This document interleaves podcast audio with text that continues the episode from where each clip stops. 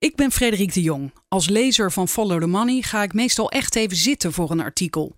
Verhalen waar zo lang aan gewerkt is, kun je bijna niet in vogelvlucht tot je nemen. Het liefste zou ik willen dat de redacteur naast me zat om uitleg te geven. En dat is nu het geval. Spreek hem eens in. Frederik vraagt door. De podcast van Follow the Money. I know you're gonna dig this. Ilke van Ark, je artikel staat online. Waar gaat het over? Ja, het gaat over eh, eh, de achtergrond of een van de achtergronden van de faillissementen van de MC-groep ziekenhuizen. Eh, in dit geval het IJsselmeer ziekenhuis. Ehm, het, het leek mij interessant om te gaan kijken naar wat is er nou in dat ziekenhuis gebeurd en wat zou nou een verklaring voor dat faillissement kunnen vormen. En ik heb iets gevonden wat ik heel interessant vond. Ik ben heel benieuwd. Ik ga het lezen en dan kom ik zo bij je terug. De IJsselmeerziekenhuizen droegen vanaf januari 2017 een groot financieel risico via de medicijnen die het inkocht bij een Duits bedrijf. 16 maanden lang liep de schuld die hierdoor bij zorgverzekeraars ontstond maandelijks met een paar ton op. Niet alleen grepen bestuurders tot mei van dit jaar niet in, bestuurder Loek Winter en directeur Tim Roldaan blijken zelf belangen te hebben bij het Duitse bedrijf in kwestie. Dit alles blijkt uit onderzoek van Follow the Money. Twee ziekenhuizen gingen afgelopen maand failliet. Ze waren eigendom van de MC-groep, geleid door onder meer Loek Winter en Willem de Boer. In 2009 kocht de MC-groep de IJsselmeer ziekenhuizen, die later tot één ziekenhuis fuseerden. En eind 2013 kochten ze ook het Slotervaartziekenhuis in Amsterdam. De oorzaak van de neergang van de ziekenhuizen is in nevelen gehuld. Het ging niet goed. Het IJsselmeer ziekenhuis had een forse schuld bij verzekeraars en leed zelfs verlies. Maar wat de jaarrekeningen niet prijsgeven, is wat er precies achter die financiële problemen steekt. Daarop is nu, in ieder geval voor een belangrijk deel, een antwoord. Follow the Money ontdekt een aanzienlijk gat in de begroting van de IJsselmeerziekenhuizen, waaruit tussen 1 januari 2017 en 1 mei van dit jaar maandelijks naar schatting 300.000 euro wegstroomde. Een gat dat eenvoudig gedicht had kunnen worden, hoewel de ziekenhuisbestuurders dat al die tijd nalieten. Dit is het verhaal achter dat gat en achter de weigering van de bestuurders om het te dichten. Ja. Ik hoor je ademhalen. ja. Wil je al wat toevoegen? Uh, ja, nou ja, het, het is eigenlijk uh, uh, het, het meest interessante aan dit verhaal is natuurlijk dat er een, een probleem was waar een oplossing voor bestond. En daar komen we later in het verhaal natuurlijk uitgebreid op terug. Maar dit was uh, eigenlijk iets wat mij het meest bevreemd heeft in het uitzoeken van dit verhaal. Van waarom hebben jullie nou niet gewoon uh, op, ten eerste op tijd ingegrepen? Of uh, in de tweede instantie gewoon het probleem wat ontstond per 1 januari 2017 opgelost? En dat is natuurlijk ook, ook de kernvraag eigenlijk van dit artikel. Het draait allemaal om de levering van dure geneesmiddelen tegen kanker. Om chemokuren, cytostatica, te kunnen declareren bij zorgverzekeraars is sinds 1 januari 2017 een zogenaamd ZI-nummer nodig.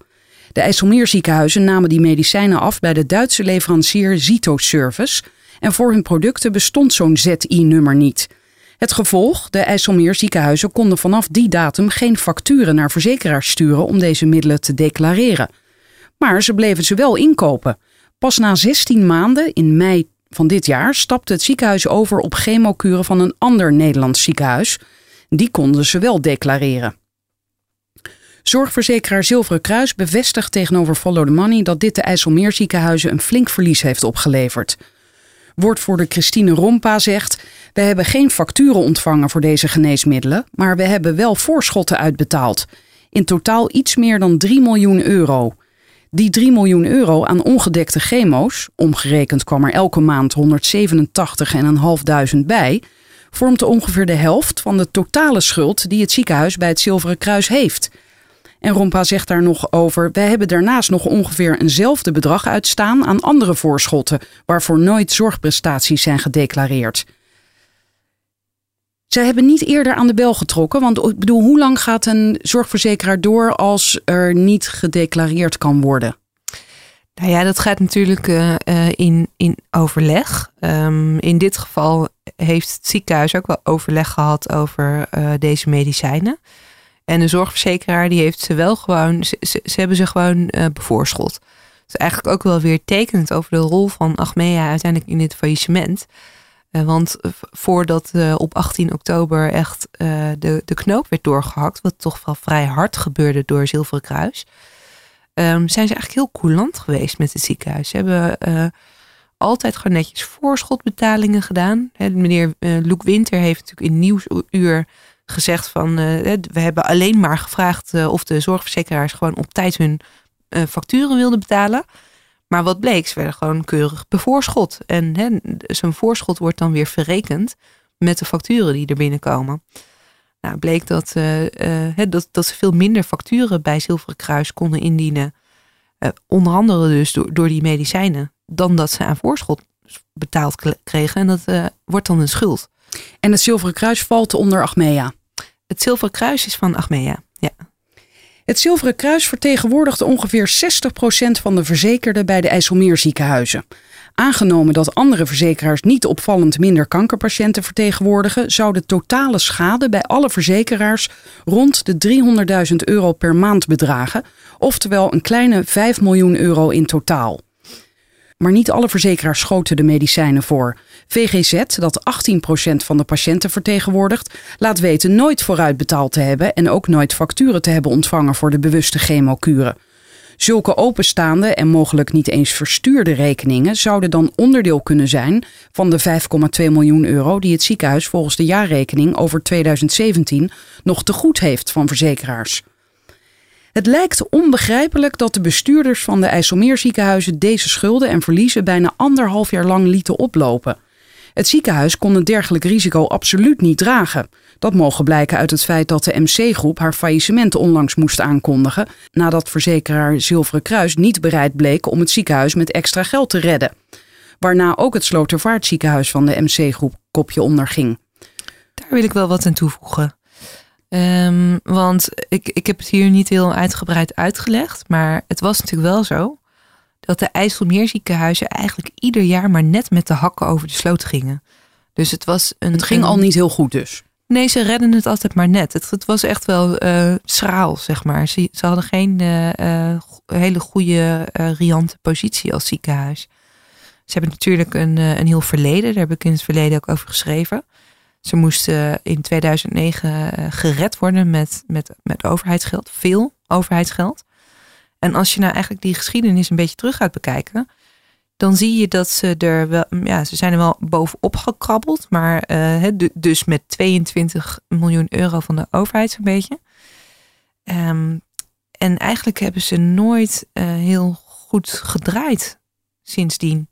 Dit is trouwens sowieso interessant, want nu wordt natuurlijk gezegd, nu de ziekenhuizen daadwerkelijk failliet zijn gegaan, wordt gezegd, ja, banken worden gered door de overheid, maar ziekenhuizen niet. Maar in het verleden zijn ze dus wel degelijk Oh, gered ja. door de overheid. Ja, ja, ze- zeker. Eh, en het grappige is dat eh, oud-minister Ab Klink heeft een, een term bedacht, systeemziekenhuis. Ja. die toen eigenlijk voortkwam uit de financiële crisis. systeembanken. systeembanken. Ja, ja, ja. Dus eh, ja, dat, dat is eh, grappig hoe de geschiedenis dan een beetje rijmt. Maar is er dan, is dit een reden waarom de overheid nu niet heeft eh, gezegd, we geven nog eens een keer een paar miljoen? Nou, ik denk dat, eh, ehm, dat de, de beleidslijn heel duidelijk is van we gaan niet nog een keer die, zo'n ziekenhuis redden. Dat, dat was ook eigenlijk wel bekend hoor. Sinds minister Schippers ook aangetreden is, heeft zij ook wel duidelijk gemaakt van zorginstellingen en ook ziekenhuizen eh, eh, moeten failliet kunnen gaan. Eh, eh, al- ja, als dat gebeurt, dan gaan we niet ingrijpen in principe. En destijds, toen die miljoenen werden gegeven, was Luc Winter toen ook al betrokken bij de IJsselmeerziekenhuizen? Jazeker, die heeft ze gretig ontvangen. Aha. Ja, ja nee, eh 21,6 miljoen euro hebben ze eigenlijk cadeau gekregen van de overheid. 12 miljoen gewoon zo, eh, ja, zo eh, van de NZA gekregen, de Nederlandse Zorgautoriteit. En ze hebben eh, nog 9,6 miljoen euro gekregen aan achtergestelde leningen.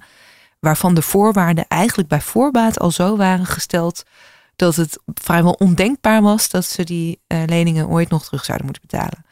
En er staat nu natuurlijk in, het, in de failliete boedel staat nog een lening van bijna 2,5 miljoen euro van de gemeente Noordoostpolder. Dus al met al eh, zou het wel eens kunnen zijn dat hier 24 miljoen euro aan overheidsgeld in is verdwenen. Ja, verdwenen. Ik, die zijn in de afgelopen jaren toch ook wel bij patiënten terechtgekomen. Ja, dat is ook zo. Ja, die zijn gebruikt om het ziekenhuis uh, te overeind, redden. Ja, overeind te houden. Overeind te houden. Maar ja, natuurlijk wel met als doel om dat ziekenhuis te behouden. En dat is uh, nog geen tien jaar later gaat dat eigenlijk al mis. Ondanks die toch flinke impuls. Ja, maar hier eindigt het verhaal niet. Follow the Money ontdekte dat MC-groepbestuurder Luc Winter en directeur Tim Roldaan samen met Zito Service Duitsland, Duitsland, de leverancier van de verliesgevende medicijnen, in 2012 een Nederlandse vestiging hebben opgezet. De BV Zito Service Nederland. Werden de belangen van deze BV en haar aandeelhouders, de IJsselmeerziekenhuizen, uiteindelijk fataal? Het begon zo veelbelovend. In 2011 moesten de IJsselmeerziekenhuizen fors investeren in het onderhoud van de steriele ruimtes van de ziekenhuisapotheek, waar kankergeneesmiddelen door apothekersassistenten worden klaargemaakt voor toediening aan patiënten. De assistenten stoppen de medicijnen die in flacons aangeleverd worden in de juiste concentratie in infuuszakken. Vanwege de hoge kosten van de verbouwing van die steriele ruimte zoeken Loek Winter en Tim Roldaan naar een andere oplossing – Eentje waarbij ze meteen ook op personeelskosten kunnen besparen. Die vinden ze. Vanaf 2012 nemen ze hun chemokuren af bij Zitoservice Duitsland. Een gespecialiseerd bedrijf dat deze medicijnen dagelijks kant-en-klaar bij het ziekenhuis aflevert. Dat is ongewoon in Nederland. Bijna alle ziekenhuizen maken de chemokuren voor hun patiënten zelf klaar.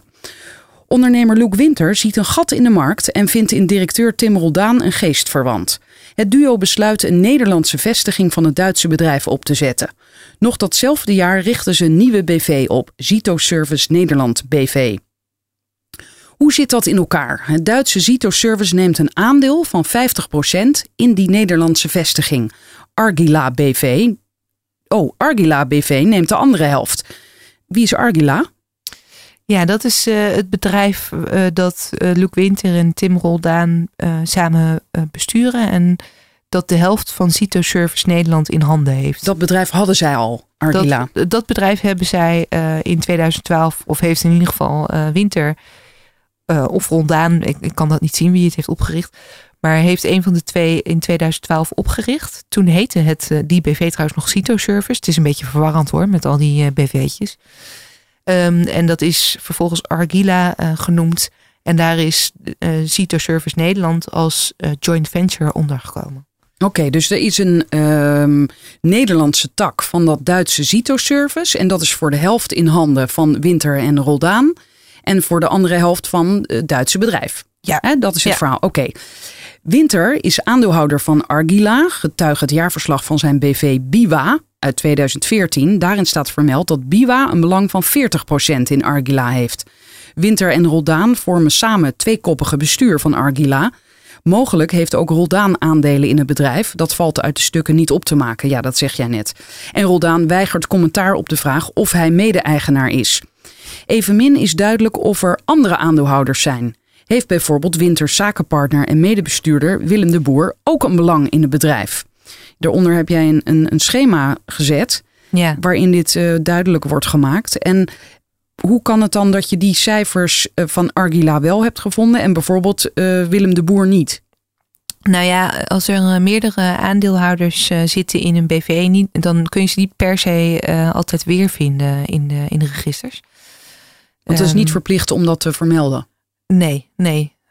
dus ja, soms blijft dat blijft dat onduidelijk hoeveel, uh, ja, wie, wie de aandeelhouders precies allemaal zijn en uh, hoeveel aandelen ze hebben in een bedrijf. Oké, maar de, de vestiging van die Nederlandse tak was hiermee een feit. En jij schrijft dan: Winter en Roldaan waren buitengewoon enthousiast over hun samenwerking met Zito Service en prezen hun concept aan in de media. Zo publiceerde NRC Handelsblad een artikel waarin Winter zakenpartners en medebestuurders van het ziekenhuis Willem de Boer en Tim Roldaan zeggen verbluffende resultaten te boeken door hun dure kankermedicijnen bij de Duitse leverancier in te kopen. Door die samenwerking zouden ze 50% op de kosten van die medicijnen besparen. Deden anderen dat ook, dan kon Nederland volgens het duo jaarlijks tientallen miljoenen zorggeld besparen. In het artikel reppen de bestuurders er overigens met geen woord over dat ze zelf een vestiging van Zito Service hebben opgezet. De kostenbesparing zou vooral ontstaan doordat het ziekenhuis de medicijnen niet langer zelf bereidde. De chemokuren waren echter niet goedkoper, maar juist duurder bij het Duitse bedrijf. Dat blijkt uit een presentatie van bestuurder Roldaan in 2015. Hoe zit dat? Ik zie hier een uh, sheet van zijn presentatie. Heb je ook gepubliceerd? Ja, dat is heel leuk, want uh, uh, die, die presentatie die blijkbaar voor andere ziekenhuizen bedoeld was of voor geïnteresseerden, die stond gewoon nog online. Zoals meer presentaties van de MC-groep trouwens. Ik heb er wel eens eerder in gevonden. Het ging over de uitbesteding van facilitair personeel. Um, ja, heel grappig. Die, in die presentatie, of in de eerste versie die ik daarvan heb gevonden, want ik heb ook nog drie verschillende versies van deze uh, oh. presentatie gevonden. Maar in blijkbaar de eerste stond deze sheet op pagina 16. En dan, eh, dan, dan, de titel is een duidelijk positieve business case voor uitbesteden. Nou, dan noemen ze de voordelen van op. Geen verspilling en minder personeel in de apotheek, dat soort dingen. Op zich uh, kan dat waar zijn. Ja, nou ja, ik denk ook dat het in principe helemaal geen verkeerd idee was hoor. Want uh, ik heb natuurlijk uitgebreid navraag gedaan. er staat ook een kadertje in het artikel met wat extra informatie. Ik heb heel wat ziekenhuisapothekers vorige week gesproken om nou eens een beetje te voelen van... Ja, is dit nou zo'n goed idee? En waren jullie ook geïnteresseerd geweest? gebeurt dit veel?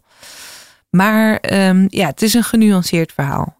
dat, dat gaan we zo ook nog merken in het stuk. Het is um, volgens ziekenhuisapothekers kan het best een goed idee zijn als je een hele kleine ziekenhuisapotheek runt. Dus als je maar een paar chemokuren per dag hoeft te bereiden, dan is misschien zo'n hele steriele ruimte is misschien te duur om te on onderhouden. Of het zou dan zeg maar uit kunnen. Um, want, want deze middelen die ze bij dit Duitse bedrijf inkochten, die worden helemaal kant-en-klaar aangeleverd. En daar zou dan die besparingen in zitten.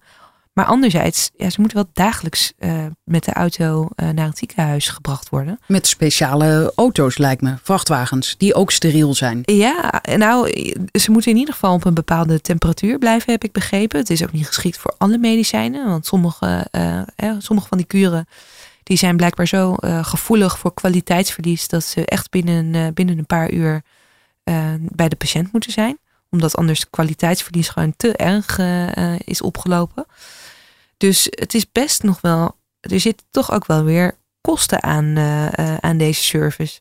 en het schijnt dat er dan toch wel een punt is als je eenmaal een, een groot genoeg ziekenhuis hebt, dan is het blijkbaar niet zo heel interessant meer. Want dan kan je beter zelf zo'n ruimte bouwen. Ja, als je genoeg uh, chemokuren aanlevert, dan werkt dat blijkbaar zo. Maar het opmerkelijke uit deze presentatie is dus dat ze dit uh, promoten eigenlijk destijds. Uh, en tegen andere ziekenhuizen zeiden dat zou je eigenlijk ook moeten doen. En dan in de presentatie zeggen ze zelf, ja, by the way, die medicijnen zijn tot nu toe nog wel duurder. Dus dan... Ja. Ja, dat is wel grappig, hè? Want ze zeggen dus ondanks hogere Duitse inkoopprijzen toch een positieve balans. Ik denk dat ze uh, die sheet uh, niet zo heel succesvol vonden, want in latere versies is die eruit gehaald. Dan staat er iets anders onder deze uh, voor- en nadelen. iets neutraals, maar niet, niets over hogere inkoopprijzen. Um, ja. ja, hun, hun stelling is natuurlijk, uh, ja, het kost meer, maar toch levert het ons wat op omdat we uh, personeel besparen en verbouwingen. Ja, precies. Hier, hier, schrijf jij ook dat ze zeggen, even kijken, enerzijds wordt bespaard op personeel, onderhoud van de benodigde steriele ruimtes en verspilling van medicijnen door menselijke fouten en te grote verpakkingen.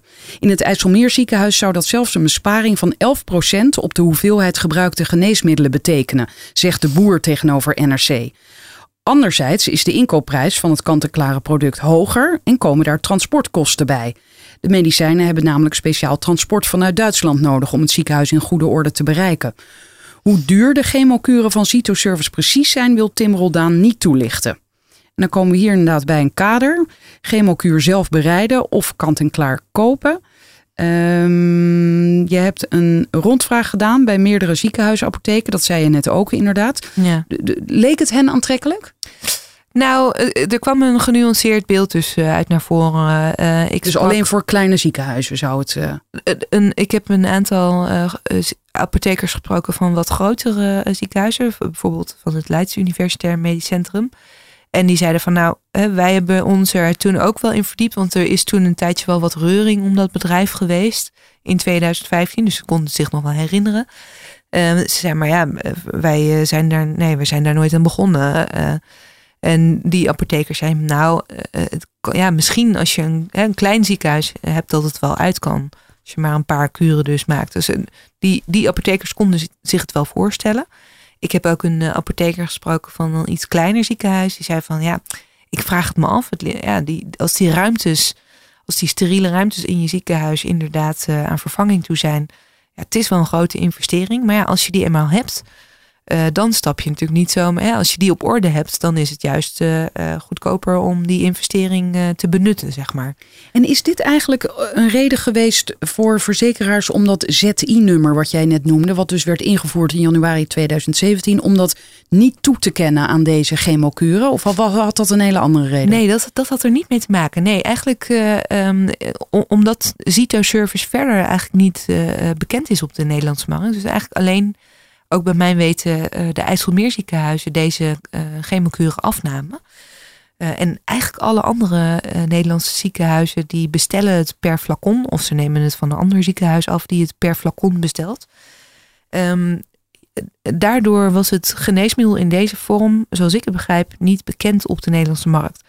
Dus in principe alle geneesmiddelen die wij in Nederland gebruiken en kennen, die hebben op het moment van die, uh, van die invoering van die ZI-nummers allemaal zo'n nummer gekregen.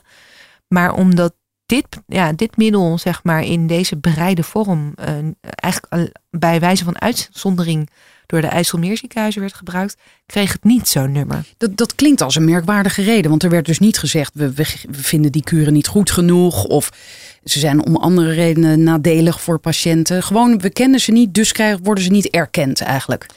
Uh, ja, dat, is, dat zou je opmerkelijk kunnen noemen. Aan de andere kant, um, ja, we hebben natuurlijk, uh, we hebben hier de gewoonte uh, om medicijnen toe te laten en te beoordelen. Dus voordat ze zo'n nummer krijgen, is trouwens ook een speciale toestemming verleend van de IGZ om, om deze middelen te gebruiken. Dus de, wel? Ja, de grondstoffen waren wel bekend. Dus de, okay. de geneesmiddelen die erin zitten, die zijn, de werkzame stoffen zijn wel bekend.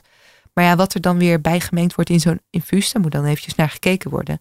Op zich valt er wel wat voor te zeggen dat ze daar even een, een, een oordeel van proberen te, uh, een oordeel over proberen te geven. Um, maar dat is niet duidelijk of ze dat gedaan hebben, of ze die stap hebben ondernomen. Of zij die. Hoe bedoel je dat? Nou, of IGZ heeft gezegd: oké, we, we, kennen dat bedrijf niet. Uh, we gaan het testen. En als het goed genoeg is, krijgen ze wel zo'n nummer. Ze hebben gewoon eigenlijk gezegd: nou, dit, dit is gedoe. Gedoe um, uit Duitsland, laat maar zitten. Nou, de IGZ heeft gezegd: jullie krijgen van ons toestemming om het gewoon uh, te gebruiken bij Nederlandse patiënten. Uh, want we kennen die uh, werkzame stoffen die erin zitten. Het zijn gewoon net als andere chemokuren. Dus inhoudelijk zit er in principe niks anders in. Maar zodra je met een geneesmiddel eigenlijk ook maar iets anders doet dan dat normaal is, en in dit geval waren zij een uitzondering, ja, dan moet er dus blijkbaar een speciaal nummer voor komen. Of dan, eh, omdat het nog niet bekend was, had het dat nog niet. En ieder uh, geneesmiddel... Oh, dat had misschien nog kunnen komen, denk je? Dat ja hoor, dat kan nog steeds. Dat kan nog steeds. Oh. Daar zijn ze eh, stel, zelfs nog steeds mee bezig. Dat is niet de IGZ. Uh, dat is de Nederlandse Zorgautoriteit die daar naar kijkt. De inspectie die kijkt eigenlijk naar het medisch inhoudelijke. Uh, de Nederlandse Zorgautoriteit die kijkt naar... kan dit alsnog zo'n nummer krijgen? Maar daar is het voor deze ondernemers nu te laat voor, want de ziekenhuizen zijn failliet. Nou, dat zou je zeggen dat het dan te laat is, maar het is niet te laat voor Zito Service Nederland. Dat bestaat uh, voor zover ik na kan gaan nog steeds. Dus als zo'n uh, zo'n nummer alsnog toegekend wordt, dan kunnen ze met Zito Service Nederland in ieder geval uh, deze middelen aan andere ziekenhuizen gaan leveren. Hmm. Ja, het zit ingewikkeld in elkaar. Ja. dus, dan, dus dan zou Winter met zijn partners, die dus een aandeel hebben in, het is voor de helft van hen, zouden ze door kunnen gaan met de handel in deze chemokuren. Ja, ja als, als dat nummer inderdaad uh, toegekend wordt. En dan, uh, even afhankelijk van hoe het ook met de IJsselmeerziekenhuizen verder gaat. Maar stel nou even dat ze, uh, ik hoop natuurlijk voor, voor al de patiënten daar en voor de medewerkers dat, dat ze gewoon een doorstart maken. Maar stel dat het nou niet gebeurt dan zit de curator zit natuurlijk nog met een oninbare uh, schuld bij Zilveren Kruis. Want die 3 miljoen, daar zijn nog geen facturen voor. Als de NZA alsnog dat nummer toekent, dan zal de curator waarschijnlijk uh, die, die schuld kunnen afhandelen. Dus dat, dat zou nog wel een gevolg kunnen zijn. Als want, niet... we kunnen afhandelen, want dat zouden ze dan kunnen loskrijgen bij de verzekeraars alsnog? Nee, nu is dat nog een schuld, hè? Maar zodra ja. er facturen, geldige facturen tegenovergesteld kunnen worden, dan kan die schuld afgelost worden. Maar mocht het nou zijn dat, dat dat nummer er niet komt, of niet in de vorm, zeg maar, uh, dat al deze kosten gedekt worden, uh, en dat is nu nog niet bekend of daar wel of niet zo'n nummer voor komt, ja, dan, dan is dat geld verloren, ook voor de, de boedel van het IJsselmeerziekenhuis. Oké, het loopt in elk geval niet storm bij Zito Service Nederland. Voor zover FTM kon nagaan is MC IJsselmeerziekenhuizen hun enige afnemer. In Zito Service BV gaat dan ook niet bijzonder veel geld om. De balans is per eind 2017 enkele tienduizenden euro's groot. Maar dat tempert de ambitie van de bestuurders niet. Het bedrijf wil de dure chemokuren ook aan andere ziekenhuizen leveren. In de jaarrekening van Cito Service over 2015 staat dat het doel van het bedrijf is om ziekenhuizen te werven om steriele infusen af te nemen. Het bedrijf levert dus in principe klanten aan voor het Duitse Zito Service. Tot en met 2016 stemmen de belangen van Zito Service Nederland en de IJsselmeerziekenhuizen redelijk overeen. De ziekenhuisbestuurders zijn tevreden over het product en er zijn geen problemen mee. Per 1 januari 2017 verandert dat. Vanaf die datum kunnen de medicijnen van Zito-service niet langer bij de verzekeraars worden gedeclareerd. Voor het ziekenhuis is het van cruciaal belang om een andere oplossing te zoeken. Maar voor leverancier Zito Service Duitsland en de Nederlandse vestiging is het juist van belang dat IJsselmeerziekenhuizen gewoon doorgaat met afnemen. De medicijnen worden niet langer vergoed vanwege een verandering van de declaratietaal waarmee in Nederland wordt gewerkt. Daar zijn jarenlange besluitvorming en lijvige rapporten aan vooraf gegaan. De Nederlandse Zorgautoriteit, de NZA, is al vanaf 2011 bezig het declaratiesysteem voor geneesmiddelen aan te passen. Dure geneesmiddelen worden verplaatst naar het ziekenhuisbudget en er wordt besloten de declaratiecodes aan te passen, opdat ze meer informatie over de producten zelf laten zien. Een beleidsmedewerker van de NZA ligt toe. Je wist vroeger bijvoorbeeld niet van welke leverancier en van welk merk een geneesmiddel was en ook niet voor welke indicatie het werd voorgeschreven. Deze nieuwe declaratietaal biedt meer transparantie en meer mogelijkheden voor verzekeraars om gepast in te kopen en voor ziekenhuizen om gepast voor te schrijven. In 2015 besluit de NZA dat de declaratietaal wordt aangepast. Er wordt voortaan met ZI-nummers gewerkt. Alle op de Nederlandse markt toegelaten medicijnen krijgen zo'n nummer. Maar de kant-en-klare chemokuren van Zito-service krijgen die niet vanzelf. Per 1 januari 2017 wordt de nieuwe regel van kracht. Hij werd in 2015 aangekondigd. Het ziekenhuisbestuur Roldaan en Winter wisten dat dus ruim van tevoren, of ze hadden het moeten weten. Maar ze ondernamen geen actie en zochten evenmin meteen naar een nieuwe Nederlandse leverancier van de geneesmiddelen. Ja, en dat is een beetje het punt wat we in het begin ook al hebben aangestipt. Dit, dit, hier wordt het bijzonder. Dit is onbegrijpelijk. Ja, dit is onbegrijpelijk. Want het, het is natuurlijk, uh, ik kan me voorstellen, het is lastig al die regelgeving in de zorg. Lastig ondernemen, vervelend. Maar uh, het is wel een werkelijkheid waar je mee te dealen hebt. En in 2015 uh, uh, ja, moeten zij dus kunnen weten dat ze een probleem krijgen wat ze moeten oplossen voor 1, 1 juli 2017. En dat gebeurt niet. Terwijl ze wel gewaarschuwd worden. En dat heb ik inmiddels uh, bevestigd gekregen. Ze zijn ook binnen hun eigen organisatie gewoon meerdere malen gewaarschuwd. Door wie dan? Oh, je begint nu te lachen, dat kan je niet prijsgeven. Dat is jammer. Ja, ik, ik, wat ik me dan kan voorstellen is, ja, ik, ik, ken die mannen niet, maar dat ze helemaal lam geslagen waren door deze nieuwe declaratietaal. En dachten, wat moeten we hiermee? Ja, ontkennen of zo. Je ontkent wel eens dingen als mens, toch? Dat je bepaalde post die je binnenkrijgt, dat je denkt, oh nee. Je, jij denkt dat deze mannen gewoon zo in shock waren. Nou ja, uh, dat ze gewoon uh, geen, eigenlijk verstart van schrik als een konijn in de koplampen van nee. Ik denk, um, zo duid ik het niet. Um, ja, het was eh, het is misschien makkelijk praten vanaf de zijlijn, hè? Maar het is duidelijk dat hier actie eh, ondernomen had moeten worden. deze mannen hadden moeten gaan praten met de NZA. Die hadden gewoon al voor 2017 hadden ze naar die NZA moeten stappen. Hadden ze moeten zeggen, luister, wij werken met een medicijn um, dat niet zo'n nummer krijgt. Wat kunnen we daaraan doen? Kunnen we nu alvast een traject starten om alsnog zo'n nummer aan te vragen? En of, ja, is er niemand anders in Nederland die hiermee te maken had? Er zijn toch, dit is toch niet het enige medicijn uit een ander land dat hier wordt gebruikt, of wel? Uh, nou, het is, dit is het enige geval eigenlijk. Uh, ik, ik, wist het helemaal niet uh, voor dit verhaal en voor het onderzoek naar dit verhaal. überhaupt van deze hele verandering. Dat is echt. het was een heel leerzame week voor mij, het ja. schrijven van dit artikel. maar nee, ja, goed. Ik heb. er zijn mij geen andere gevallen bekend. Het zal ongetwijfeld wel eens voorkomen. er is wel een andere mogelijkheid ook om het op te lossen. En dat komen we straks in het verhaal wel tegen. Je kunt gewoon met de zorgverzekeraar namelijk een, een afspraak maken van nou, we, we gaan het op een andere manier bekostigen. we doen dat via de prijzen die we voor het ziekenhuis afspreken. Nou, die passen we dan wat aan en uh, zo kunnen we dat dan alsnog bekostigen. Ja, want ik kan me nu ook voorstellen dat als de overheid met die nieuwe declaratietaal komt, dat ze ook nog wel enige uitleg geven en ook, ook inderdaad oplossingen bieden. Van heeft u dit probleem, dan kan het zo opgelost worden. Ja, nou dat is eigenlijk ook precies zo gegaan. Want uiteindelijk, toen, uh, toen deze mannen uh, pas halverwege 2017, dus toen al maandenlang eigenlijk de schade aan het oplopen was. Uh, toen zij halverwege 2017 bij de NZA aanklopte ja, toen werden ze ook uh, in de eerste instantie weer teruggestuurd van nou, ga proberen met een zorgverzekeraar uh, op te lossen. Want er is een mogelijkheid dat, dat een zorgverzekeraars gewoon dit kunnen bekostigen. En dan niet via zo'n ZI-nummer, maar gewoon via de prijs van de DBC zorgproducten, zoals je dat noemt. DBC, ja. ja.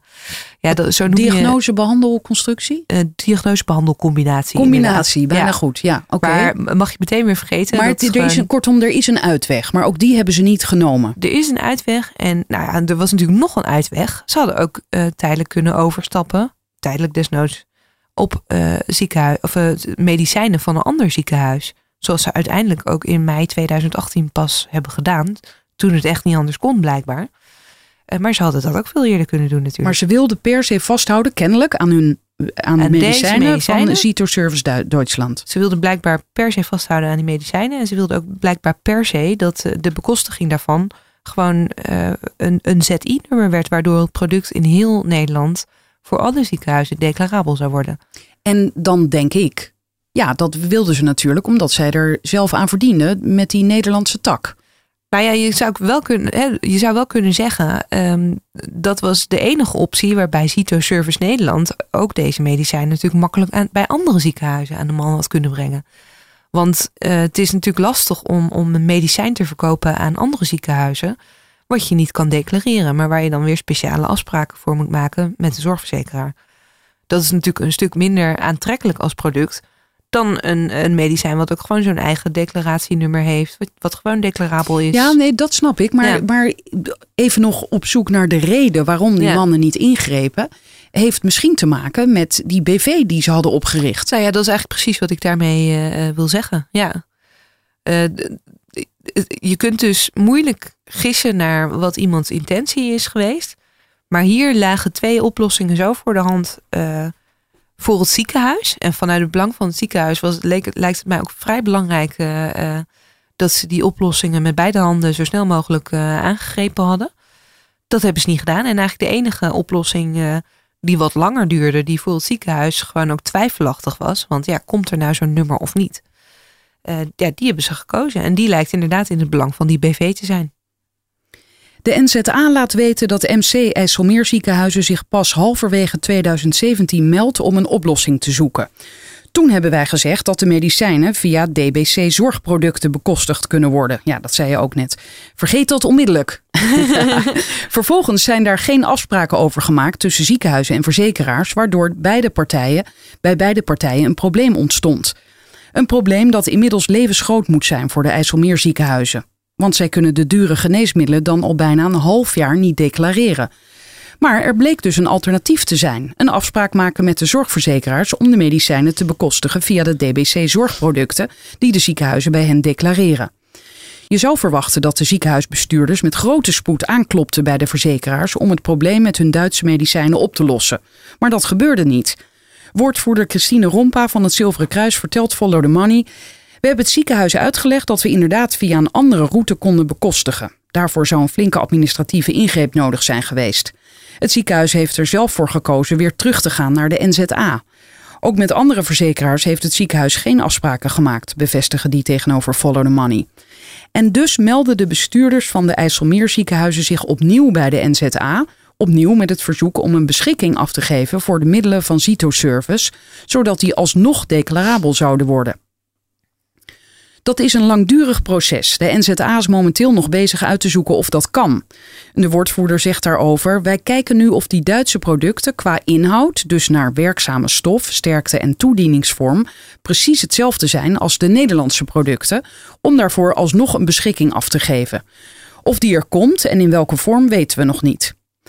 Ondertussen blijven de verliezen bij de IJsselmeerziekenhuizen oplopen. Dat verandert pas op 1 mei van dit jaar. Vanaf dan nemen de IJsselmeerziekenhuizen hun kankergeneesmiddelen af bij een Nederlands ziekenhuis. Onduidelijk is of dat uit financiële noodzaak gebeurt of dat de tijdelijke toestemming van de IGZ is verlopen. De IGZ zegt daarover: een verlenging was niet nodig omdat MC IJsselmeerziekenhuizen een permanente oplossing had gevonden.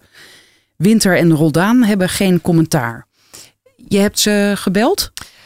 Ja, ik heb ze gebeld, ik heb ze geappt, ik heb ze ge-sms'd, uh, ik heb ze gemaild. Ja, ja ik, uh, um, ja, ik heb uh, hun 06-nummers. Um, maar ze namen niet op. Ik heb, ik heb ge-sms'd, ik heb geappt. Ik heb ze op een gegeven moment heb ik ze geappt van nou jullie reageren niet, maar ik heb hier vragen over. Dus ik zet mijn bevindingen nu op de mail. Ik stel daar vragen bij. En jullie hebben tot zondagavond om daarop te reageren ja, daarop uh, volgde uh, helaas uh, ja, geen enkele reactie eigenlijk. Heb jij hen in het verleden wel gesproken toen het allemaal Ja. nog goed ging, zogenaamd? Nou, Tim Roldaan heb ik nog nooit gesproken. maar Luc Winter heb ik meerdere malen gesproken, ja. Die heb ik een keer geïnterviewd samen met zijn zakenpartner Willem de Boer in het ziekenhuis zelf. Daar ben ik toen in 2014 nog een keer voor naar de IJsselmeerziekenhuizen geweest. En toen was alles koek en ei. Koek en ei. Goede band met die mensen. Nee. nou ja. eh, Nee, maar je werd ik- ontvangen Ja, ik, ik, en- ik, en- eh, ik kon eh eh, Luc Winter in principe wel bellen, ja. Ja, ja nu niet meer. Nee, jammer is dat altijd, hè? Jammer hè? Als het ja. cruciaal wordt, dan eh, nemen ze niet op. Ja, daar, daar wil ik zo nog wel even op terugkomen. Maar dit, dit komt nog een keer aan bod eh, in nou het ja, op terugkomen. Dus, eh, ja, oh, ja, wil je ermee eh, wachten? teaser, oh, dit is een cliffhanger. teaser. Oh, dat is een teaser. Oké, we gaan snel door. Ja. Maar die permanente oplossing komt te laat. Dat de IJsselmeerziekenhuizen de medicijnen van Zito-service niet kon factureren... heeft naar schatting geleid tot een verlies van 3 miljoen euro... in de vorm van een schuld aan het Zilveren Kruis... plus een onbekend bedrag aan gemiste omzet bij andere zorgverzekeraars. Mogelijk rond de 2 miljoen euro. ja, dat wil ik nog wel graag even uitleggen. Eh, ik heb bij een aantal andere eh, zorgverzekeraars natuurlijk ook gecheckt hoe het bij hun naartoe ging. Eh, CZ, dat, dat is de, de derde zorgverzekeraar bij het ziekenhuis. Die hebben eh, zeven, ongeveer 7% van de patiënten. Die hebben ook eh, zo'n voorschot gegeven, net als Zilveren Kruis. Dus ook zij hebben eh, daarmee in feite een voorschot gegeven waar nooit facturen voor zijn teruggekomen. Dus ook daar zou iets van een schuld moeten bestaan. Zij konden niet zeggen om hoeveel geld het daar ging. En eh, VGZ, die dus eh, al eerder in het verhaal genoemd werd, die toch bijna een vijfde van de eh, klanten daar vertegenwoordigt, die zei: Ja, maar wij hebben nooit voor, voorschotten uitbetaald voor deze medicijnen. Ja, en En wa- waarom hebben zij dat niet gedaan? Voelden zij nattigheid? Of? nou, het is je, met de ene ver- verzekeraar heb je wel zo'n regeling, met de andere niet. Dat is niet, niet per se dat ze nattigheid eh, ah, voelde. Het het is gewoon verschillende afspraken. En het ligt ook voor de hand dat eh, andere kleinere verzekeraars ook bijvoorbeeld geen voorschotafspraken hebben gemaakt. Maar daar zit hem natuurlijk wel, daar ligt de nadruk in dit verhaal niet op. Maar je moet je bedenken dat dus de- deze medicijnen die niet bevoorschot zijn door de zorgverzekeraars, dat die eigenlijk eh bevoorschot zijn door het ziekenhuis zelf. Nou had het ziekenhuis al niet echt cash in huis om. Nee, want je zei het was allemaal krap aan de hele ja. tijd. Ja. En, en je kunt er toch wel van uitgaan dat ze toch waarschijnlijk voor zeker een miljoen euro zelf eh, hebben voorgeschoten. Terwijl het helemaal onzeker is tot op de dag van vandaag of het ooit declarabel zal worden, die me- medicijnen. Dus het is niet alleen een ontzettende, eh, het, is, het is niet alleen een ontzettend bedrag aan onzekere omzet, waarvan tot op de dag van vandaag nog niet duidelijk is of die medicijnen nou ooit gedeclareerd kunnen worden of niet. Ze hebben een deel daarvan gewoon ook uit eigen zak voorgeschoten, terwijl ze al krap bij kas zaten. Bij het werk dat nog in uitvoering is, valt op dat tegenover de voorschotten van het Zilveren Kruis, in dat jaar 13,7 miljoen euro, slechts 6,3 miljoen aan gerealiseerde kosten staat. Daardoor stijgt de schuld bij verzekeraars, met name die bij het Zilveren Kruis, bij het werk dat nog uh, gaande is, van 1,2 naar 5,3 miljoen euro. De jaarrekening over 2017 laat zien dat de post nog te factureren DBC's en DBC zorgproducten in 2017 met 5,8 miljoen euro steeg. In de zomer van 2018 kloppen de bestuurders van MC IJsselmeer ziekenhuizen bij het Zilveren Kruis aan. Het ziekenhuis heeft financiële steun nodig om te kunnen overleven. Ze beweren ook nog geld te krijgen van de verzekeraar. Het Zilveren Kruis erkent de vordering van het ziekenhuis echter niet en zegt later in de media dat ze het verzoek zagen als een aanvraag voor een lening. Die is de zorgverzekeraar niet van plan op te geven. Er staat inmiddels nog een miljoenenschuld open. Het resultaat is bekend. De IJsselmeerziekenhuizen vragen uitstel van betaling aan en het Slotervaartziekenhuis van de MC-groep volgt. Het faillissement is kort daarna een feit. De handelswijze van de Raad van Bestuur van MC IJsselmeer Ziekenhuizen roept veel vragen op. Die heeft Follow the Money dan ook meermalen geprobeerd te stellen. Maar de bestuurders verschuilen zich achter een algemene verklaring die onlangs werd gepubliceerd. Een woordvoerder laat de FTM weten dat ze daar niets aan toe te voegen hebben. Zowel Loek Winter als Tim Roldaan hebben we onze bevindingen voorgelegd, vergezeld van een aantal dringende vragen. Ik weet er niks van, liet Winter via WhatsApp weten. Tim Roldaan is aanspreekpunt. Oh ja, lekker afschuiven. Ook Roldaan weigert op onze vragen in te gaan. Ik kies ervoor om de komende tijd niet in te gaan op persvragen die betrekking hebben op of op welke wijze dan ook in verband worden gebracht met het faillissement van Slotervaart en IJsselmeer ziekenhuizen. Ja, en daar uh, wil ik toch nog even op terugkomen. Want wat wel leuk is, na deze publicatie, uh, uh, een paar uur daarna, toen natuurlijk ontzettend veel aandacht is geweest voor deze kwestie. Um, toen... Zelfs de NOS kwam langs bij Follow the Money. Ja, niet veel gekker worden. Het was hartstikke leuk. Het was gekkenhuis. We hadden zelfs taart. um, maar ze, ze, hebben natuurlijk dinsdagmiddag. Wacht even, die taart die kwam van mij. Oh ja, was voor mij nee, verjaardag. Nee, we hadden dinsdag ook weer taart. Oh, alweer? alweer. Toen was ik er niet. nee, ja. Het is ook niet eerlijk. Maar, um, Sorry, ik leid je helemaal af, ja. Ja, ik, ik wil hier toch nog wel even op ingaan. Want zij hebben dus dinsdag uh, alsnog wel een, uh, een verklaring uh, naar buiten gebracht over deze hele kwestie. Eerst wilden ze niet reageren, ook niet tegenover de NOS en ook niet tegen Omroep Flevoland. Maar later dinsdag hebben ze toch dus die verklaring uitgedaan. En daarin hebben, hebben ze gezegd dat ze maar heel beperkt inzage hebben gekregen. Nou, dat is echt. Inzage waarin? In, in het verhaal. In mijn verhaal. Ja. Nou ja. Ja, dat is echt, echt. Kwalijk. Ja, echt BS, om, om het maar zo te noemen. Uh, dat nee, als mensen dit later luisteren, want die podcasts die worden nog maanden later soms serieus nog beluisterd. Dus dit gaat om dinsdag 6 november was dat. Ja, dit gaat om dinsdag 6 november. Um, ja, nee, ze hebben geklaagd dat ze maar zeer beperkt inzage hebben gekregen. Uh, nou, ze hebben, uitge ze hebben al mijn bevindingen uitgebreid uh, onder ogen gekregen. Onder ogen gezien, ja. Ze hebben ongeveer hetzelfde relaas. dus in de, de kern eigenlijk precies hetzelfde als wat er allemaal in dit artikel staat. Alleen een stuk ingekort. Precies hetzelfde wat alle experts uh, voorgelegd hebben gekregen. Gewoon de kern van het verhaal. Een paar uh, vragen erbij. Ze hebben dagenlang de tijd gehad om, om hierop te reageren. Hebben ze niet gedaan. Ik heb ze zelfs nog meerdere malen op aangedrongen van nou, als jullie iets zien staan wat jullie niet juist achten. Hè, of waar jullie van zeggen van dit klopt niet, laat het me weten. Dat kan nog tot en met zondagavond. Ja, dat hebben ze gewoon geweigerd. En dan uh, achteraf klagen dat je geen uh, inzage krijgt. Ik neem aan dat jij daar niet uh, op gereageerd hebt. Ik heb niet meer gereageerd. Nee, want ze hebben ook geen inhoudelijk eigenlijk geen commentaar gegeven. Ze hebben gezegd dat wij ons op onjuiste informatie baseren. Ja, ja. Maar ze hebben niet gezegd welke onjuiste informatie dat dan zou zijn. Het is gewoon een soort van ontkenning wat ze hebben gedaan. Je had nog kunnen zeggen, oh, u vindt dat u te weinig ruimte heeft gekregen om te reageren. Die wil ik u graag alsnog geven. Nou ja, bij deze wil ik, wil ik ze Misschien luisteren van, ze wel, harte. Ja. nou Tim, Loek, als jullie luisteren, bij deze nodig ik jullie van harte uit om, om nog eens een keer met z'n drieën, misschien in, de, in de, een publiek forum, nog eens van gedachten te wisselen hierover. En dan kunnen jullie mij uitgebreid vertellen waar ik verkeerd zat en hoe het dan allemaal in elkaar zit. Ik ben heel benieuwd. Nou kan je niet meer serieus voorlezen. Jawel, maar dit vind ik wel heel goed, ja. Even kijken hoor. Um, Want er valt heel wat uit te leggen, nietwaar? Ja. Ja, ze reageerde dus niet en jij schrijft dan en dat terwijl er heel wat valt uit te leggen. Waarom hebben de bestuurders niet al tussen 2015 en 2017 actie ondernomen om die declaratieproblemen met CITO-service te voorkomen? Maar bovendien, waarom is in januari 2017 niet meteen ingegrepen?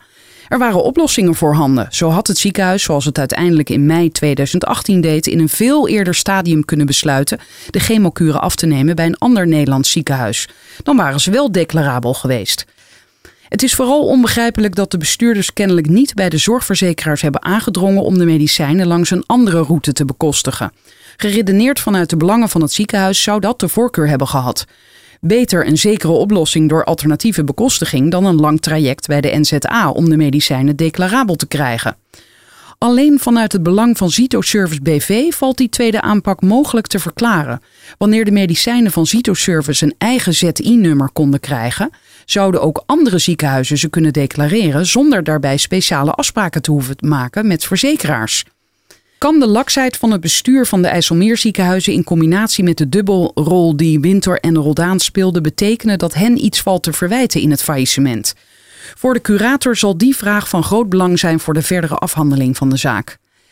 Assistent-professor accountancy bij de Tilburgse Universiteit Robin Litjens ziet hier wel een belangenverstrengeling die mogelijk verwijtbaar is. Hij zegt wanneer je aan twee kanten, zowel bij de vraag als de aanbodzijde als bestuurder financieel betrokken bent, vraag ik me zelfs af of je voldoet aan de onafhankelijkheidsvoorwaarden van corporate governance. Lichtjens verwijst naar paragraaf 5.3 van de Zorgbrede Governance Code, waar MC IJsselmeerziekenhuizen zich volgens zijn eigen jaarrekening aan houdt.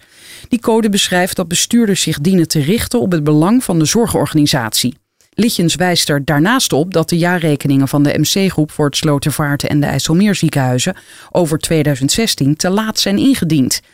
Hij zegt daarover de deponeringstermijn is overschreden. Dit betekent dat de bestuurders en onder bepaalde omstandigheden ook de leden van de Raad van Commissarissen aansprakelijk gesteld kunnen worden. Ja, en daar zit nog wel een saillant dingetje in.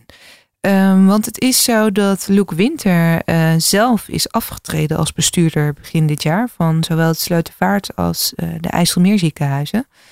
En, um, met, met welke reden? Ja, volgens mij werd als formeel als reden opgegeven dat ze meer onderscheid tussen het eigendom van het ziekenhuis en het bestuur wilden uh, aanbrengen. Ja, ja, zeg het maar. Maar eigenlijk heb ik begrepen dat, dat die deponeringstermijn uh, in, ergens in maart overschreden is voor 2016.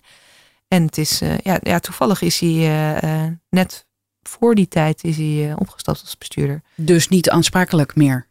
Ik, ik vraag me af of hij nog dan wel of niet aansprakelijk is. Je zou denken van niet. Meneer, meneer De Boer trouwens, die is wel wat langer blijven zitten. Die is pas in augustus, september zo'n beetje uh, opgestapt als bestuurder van de ziekenhuizen. Hoe zwaar wogen de verliezen rond CITO-service in het faillissement van de IJsselmeerziekenhuizen? Robin Litjes heeft de jaarrekeningen van het ziekenhuis bekeken en komt op basis van de kaststroom uit bedrijfsoperaties en de negatieve liquiditeitspositie van het ziekenhuis tot de conclusie dat die mogelijk van groot belang zijn geweest. Een onzekere vordering van 3 miljoen euro leidt tot een acute liquiditeitsbehoefte, die in het meest gunstige geval heel moeilijk opgevangen kan worden binnen het ziekenhuis. Zo wordt het ziekenhuis voor zijn financieringsbehoeften afhankelijk van externe partijen, aandeelhouders, bank, zorgverzekeraars. Daarmee raakt het bestuur van het ziekenhuis haar zelfbeschikking kwijt. Litjens wijst daarnaast op de verklaring van accountant EY, die nog wel de jaarrekening over 2016 heeft gecontroleerd, maar vervolgens door de ziekenhuisbestuurders de laan uit werd gestuurd. Oh, en daar kan ik op leuk. klikken. Even kijken. Oh, wacht even. Dan kom ik bij de pagina accountancy van morgen. Uh, aan de kant geschoven ten faveur van het kleinere kantoor verstegen. De reden, de intensieve de intensievere controle die EY de laatste jaren toepaste. Ja, ze oh. waren gewoon strenger. Ze deden hun werk te goed. ze waren te kritisch. Ik oh. geloof dat er ook nog ergens staat benoemd dat, uh, dat het ook zorgde voor negatieve energie tijdens het proces van de jaarverslaglegging. Uh, ja. De ja, mooi. Ja. ja. De accountant bestempelt bedragen van enige tienduizenden euro's tot zes ton als materiële onzekerheden. Ja, welke accountant? EY of die nieuwe? Um, nee, EY in 2016. Ja, ja. Wat Robin Lichtjes hier probeerde uit te leggen is eigenlijk dat uh, de, de accountants Ernst, Ernst Young, die dus te streng waren, dat die in 2016 erop hebben gewezen van, goh, Hè, hier heb je een, een, eh, een, aantal bedragen waarvan niet zeker is uh, ja, of jullie daar wel recht op hebben, uh, of dat wel goed in de jaarrekening is verwerkt. En dat zijn bedragen van een paar enkele tienduizenden euro's tot een paar ton. Nou ja, als die al bestempeld worden als, hè, als dat al niet klopt, als dat al impact heeft op het voortbestaan van het ziekenhuis, dan is 3 miljoen uh, nou zeker belangrijk. Dan, en dat was de reden voor hen om te zeggen: dit, dit is, dit, die accountant is niet goed. Ja, nou blijkbaar, ik weet niet of het met deze kwestie te maken heeft, maar dat is zeker niet uitgesloten. Want blijkbaar was Ernst Young, EY, ja, kritisch. En blijkbaar viel dat niet in goede aarde bij de bestuurders van de MC-groep. Hoogleraar gezondheidseconomie Wim Groot van de Universiteit in Maastricht vindt het opmerkelijk dat de jaarrekening over 2017 niets meldt over de mogelijk niet declarabele zorg die het ziekenhuis heeft verricht.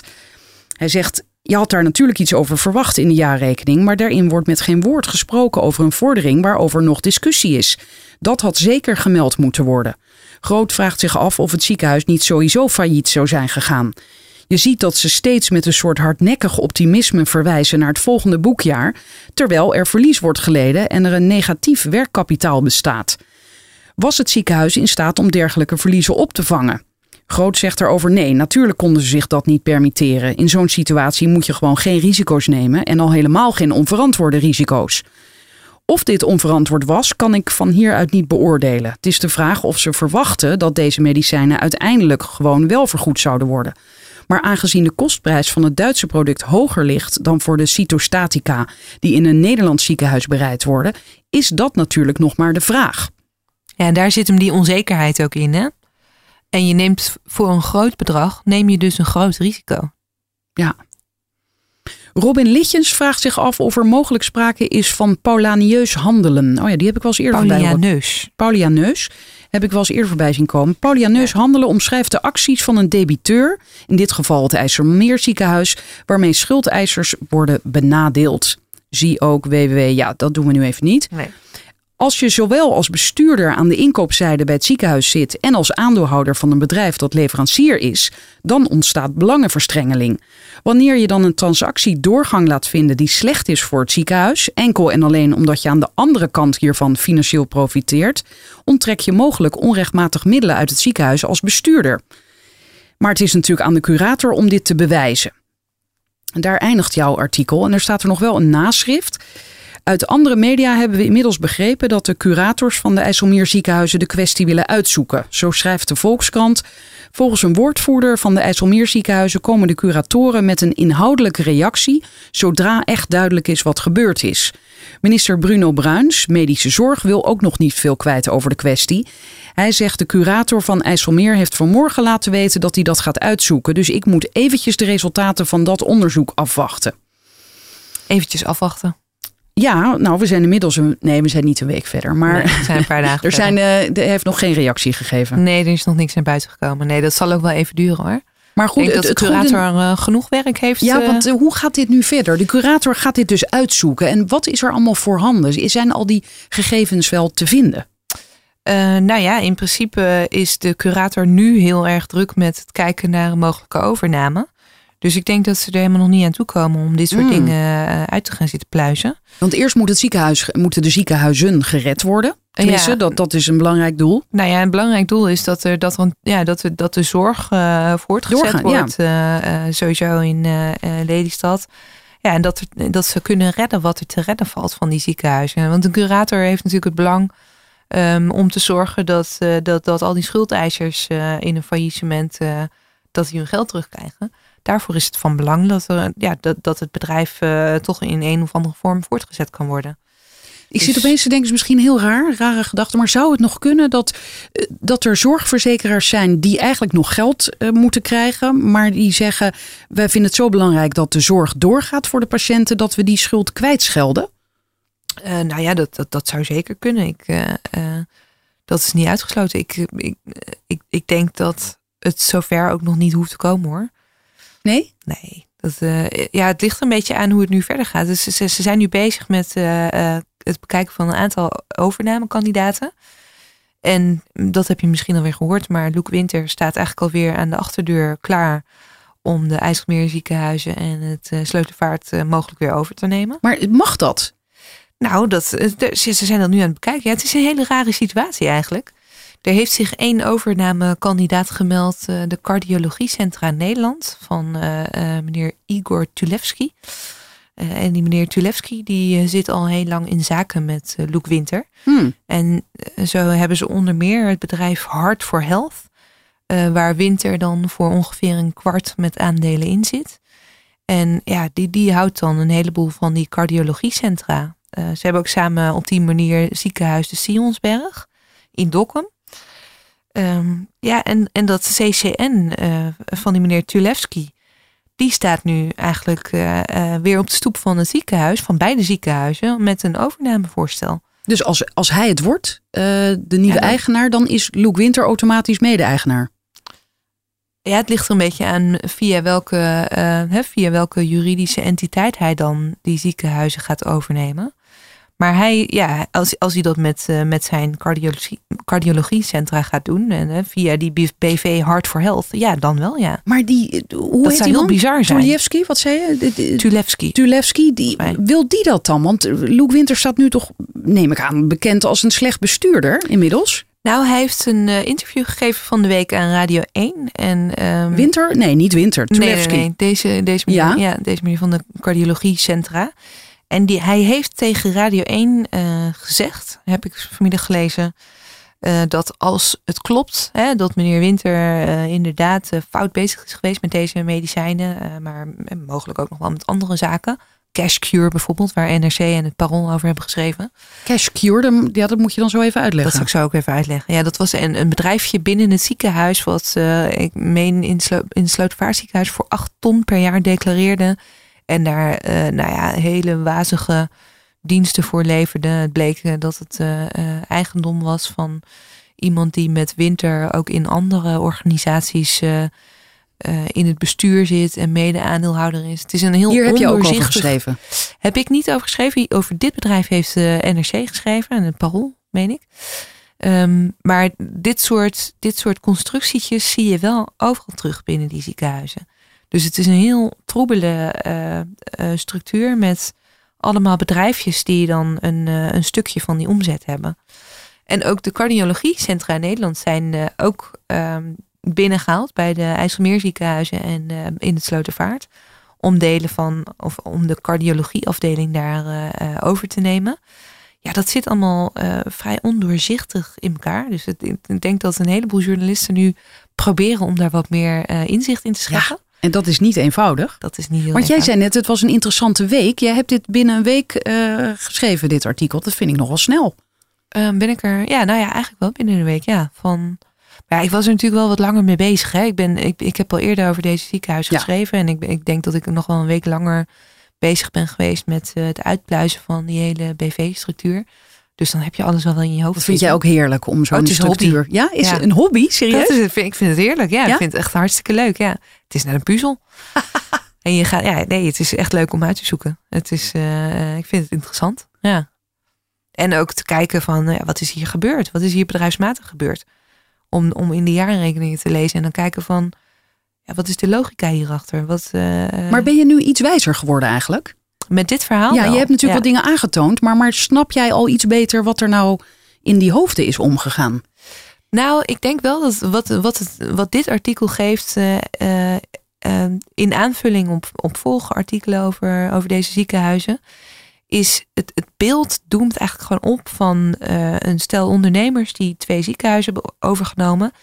En dan die ziekenhuizen eigenlijk een beetje bekijken als ah, hier heb je een inkomstenstroom.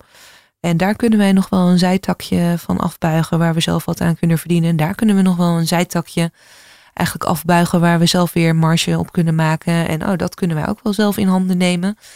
En we kunnen dat bedrijf ook wel binnenhalen. Nemen we daar ook een klein belang in. En dan geven we, geven we die deze, eh, dit stukje omzet.